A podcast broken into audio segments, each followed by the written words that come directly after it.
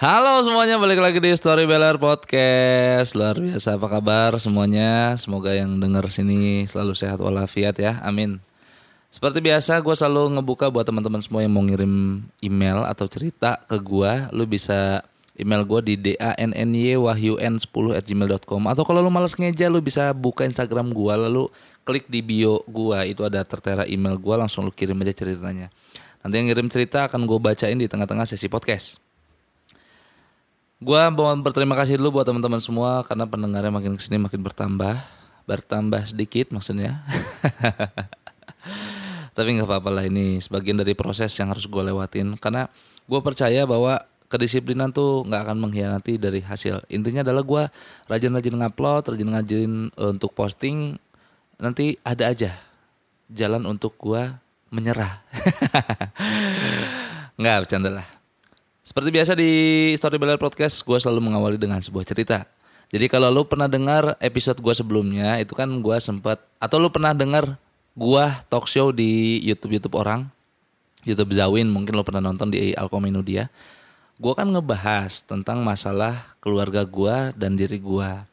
Masalah gue sebenarnya disuruh kerja, nyokap gue pengennya gue nggak stand up gitu, nyari kerjaan yang pasti karena kata nyokap gue mau sampai kapan sih lu kayak gini? Tapi gue tetap kekeh sama pendirian gue gue yakin gue bisa di stand up kalau enggak gue bisa deh di hal-hal kayak gini gitu. Nggak cuma stand up misalkan youtuber atau podcaster mungkin intinya di, di dunia yang sifatnya kreatif.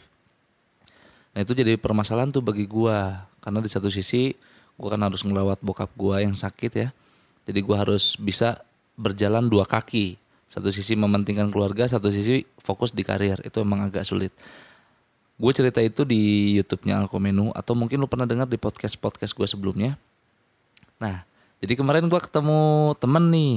Ada temen gue lah. Anak stand up juga. Terus dia curhat ke gue. Masalahnya sama seperti gue. Kebimbangan atas keputusan masa depan. Dia sang lagi bingung lagi lagi apa ya lagi bingung untuk memutuskan sebenarnya gue mau fokus di stand up atau udahlah jadi karyawan aja kerja gitu lebih nyata.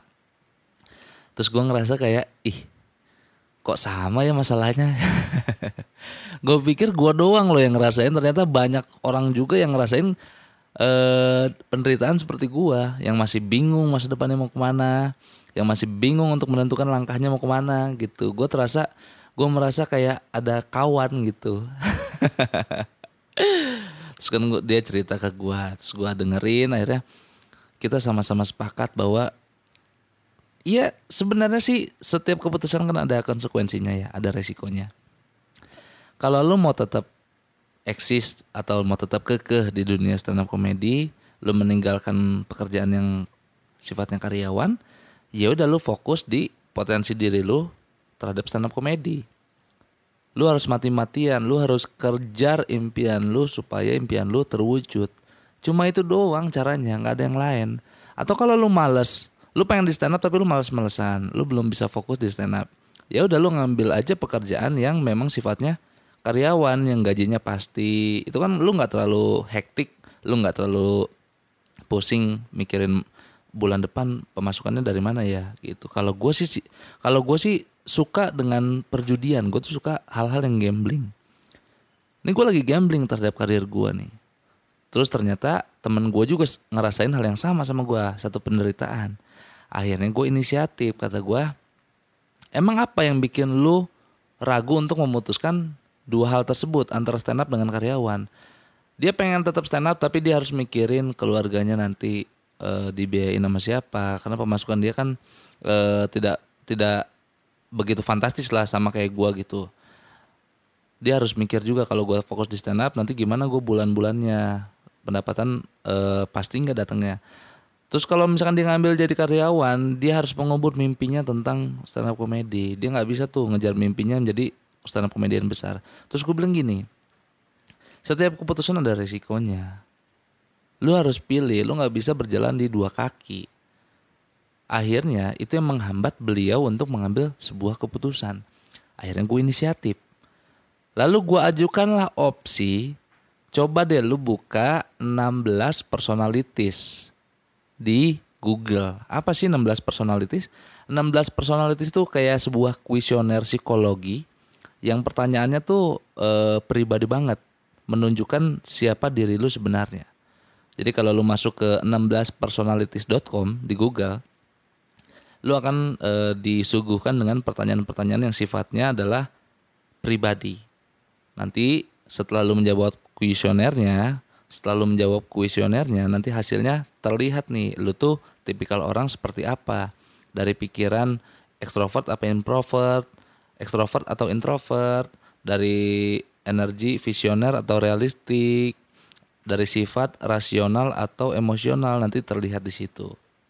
Ada yang gue kasih lah dia 16 personalities nih. Terus pas dia isi kuesionernya segala macem, begitu lihat hasilnya dibacain ke gue. Dia tuh termasuk juru kampanye katanya.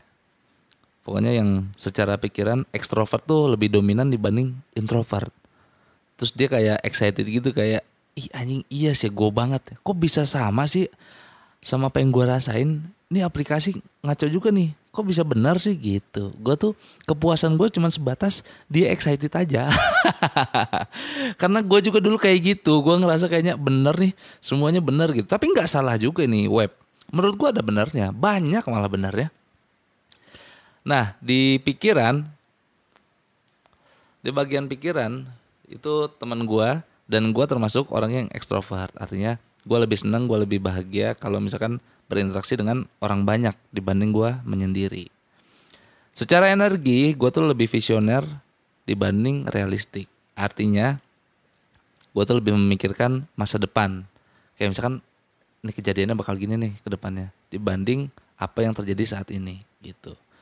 Nah dari sifat ini persamaan gue sama temen gue yang tadi ini.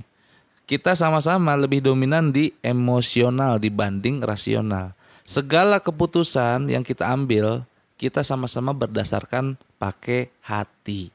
Itu yang jadi permasalahan gue dan dia. Mau ngambil keputusan banyak khawatirnya. Gue takut A, gue takut B, gue takut C. Padahal ya setelah gue pikir-pikir dan gue ngobrol sama dia juga, kadang-kadang apa yang kita pikirkan itu belum tentu terjadi juga. Kita tuh cuman takut hal itu terjadi, akhirnya khawatir, overthinking. Padahal kalau kita jalanin, belum tentu terjadi juga. Ini yang menghambat kita untuk bergerak untuk ngambil keputusan-keputusan besar. Termasuk gua, nggak cuma dia. Akhirnya kita diskusi. Ternyata di Indonesia banyak sekali orang yang masih mengambil keputusan berdasarkan hati mau ngomong A ah nggak enak takut dia sakit hati mau ngomong B ah nggak enak. Takut dia tersinggung mau ngomong C mau ngambil keputusan D ah nanti dia ng ngelihat ke gue gimana gitu. Nanti pandangan dia terhadap gue gimana gitu. Itu yang menyebabkan sebuah permasalahan menurut gue ternyata nggak cuman gue dan teman gue ada banyak orang yang mengalami hal yang sama. Gak usah jauh-jauh. Orang Indonesia itu nggak enakan. Seperti episode gue sebelumnya. Mengambil keputusan didasari oleh hati bikin lu nanti jadi blunder.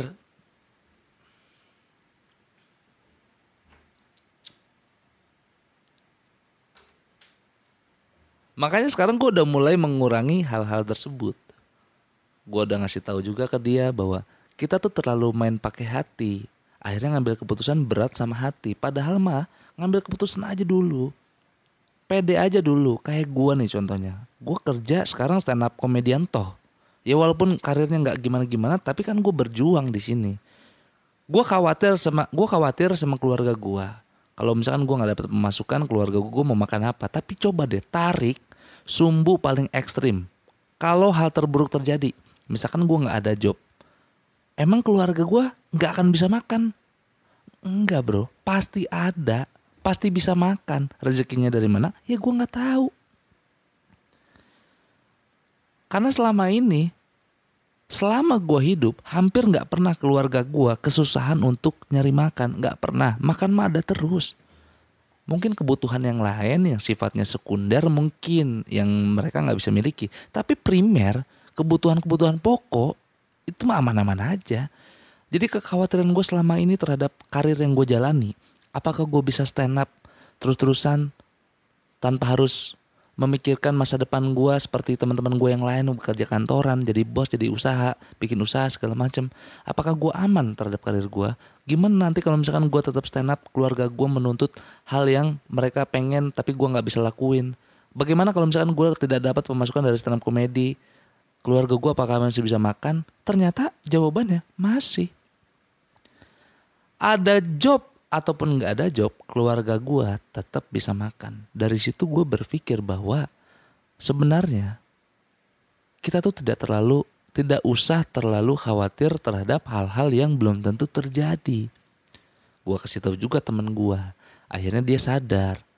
Iya juga ya katanya. Mungkin nanti gue ubah deh pola pikir gue, atau mungkin nanti keputusannya gue pikirin matang-matang lah, baik dan buruknya. Iya, karena memang seperti itu. Setiap keputusan ada resikonya. Kita nggak terlalu nggak usah terlalu khawatir sama hal-hal yang mengerikan. Dunia nggak sekejam yang kita pikir ternyata. Jujur-jujuran aja. Selama ini gue job sama Remin banyakan mana sih? Banyakan Ridwan Remin. Tapi apakah gue tumbang? Sudah. apakah gue tumbang? Enggak juga. Buktinya gue tetap berusaha yang menurut gue ya, menurut gue ya, kalau gue nggak ngelakuin apa-apa, gue diem di tempat, terus gue mengharapkan hasil, itu salah. Tapi kalau gue berusaha, lalu gue akan mengharapkan hasil, ya itu mah wajar-wajar aja. Yang penting gue berusaha. Hasil mah ada aja tanpa kita duga. Kita nggak pernah tahu rezeki kita datangnya dari mana. Gue pernah dengar ceritanya Uus waktu itu. Gue ketemu Uus kan di syuting video klip azan stand up Indo buat Ramadan ada Uus di sana. Lu tahu Uus dapat brand ambassador kelas mild dari mana? Dari dia bikin tato di Bali. Orang kelas mildnya datang ke tukang tato Bali. Nato tuh dia. Terus dia nanya, udah ada artis belum yang nato di sini? Tukang tatonya jawab, udah, Uus. Dari situ dia mikir, oh iya Uus ya. Apa dia jadi brand ambassador kelas mild aja ya? Akhirnya dia telepon lah Uus. Uus, ini gue dari kelas mild. Jadilah. Akhirnya sekarang ambassador kelas mild. Lewat mana rezekinya? Lewat tukang tato. Bisa ngebayangin gak lo? Betapa randomnya rezeki Uus. Ini kan kesimpulannya berarti kita harus rajin-rajin nato. Nggak juga sih. Kita harus membangun relasi. Intinya seperti itu. Dari situ, dari banyak contoh yang gue temuin, gue makin pede bahwa sebenarnya kita berjalan, mengambil langkah, mengambil keputusan atas dasar diri sendiri itu paling benar dibanding kita dengerin omongan orang. Ya orang memberikan input nggak apa-apa, tapi kan keputusan akhir yang memutuskan tetap kita sendiri. Yang salah adalah mengambil langkah atau mengambil keputusan itu didasari oleh orang lain. Itu yang salah. Jadi kalau misalkan kita gagal kepentok di tengah jalan, akhirnya kita nyalahin orang, nyalahin A, nyalahin B. Padahal kalau misalkan kita pikir, elunya sendiri kenapa mau? Orang ngomong A ditelan, omong, orang ngomong B didengerin itu nggak punya pendirian. Makanya dari sini, dari kasus-kasus yang gue terima kemarin dari temen gue mengeluhkan hal yang sama seperti gue, bingung masalah karir dan masa depan. Akhirnya gue dapat kuncinya bahwa lu kalau menyelesaikan masalah, lu kalau misalkan dapat masalah bingung mau ngapain, itu solusinya lu buka 16 personalities. Memang kalau misalkan lu berpikir ah lu percaya aja sama begituan, ya sekarang gini dah, lu buka dah 16 personalities di Google. Karena itu tuh meyakinkan banget. Mirip banget hasilnya tuh kayak apa yang gua rasain.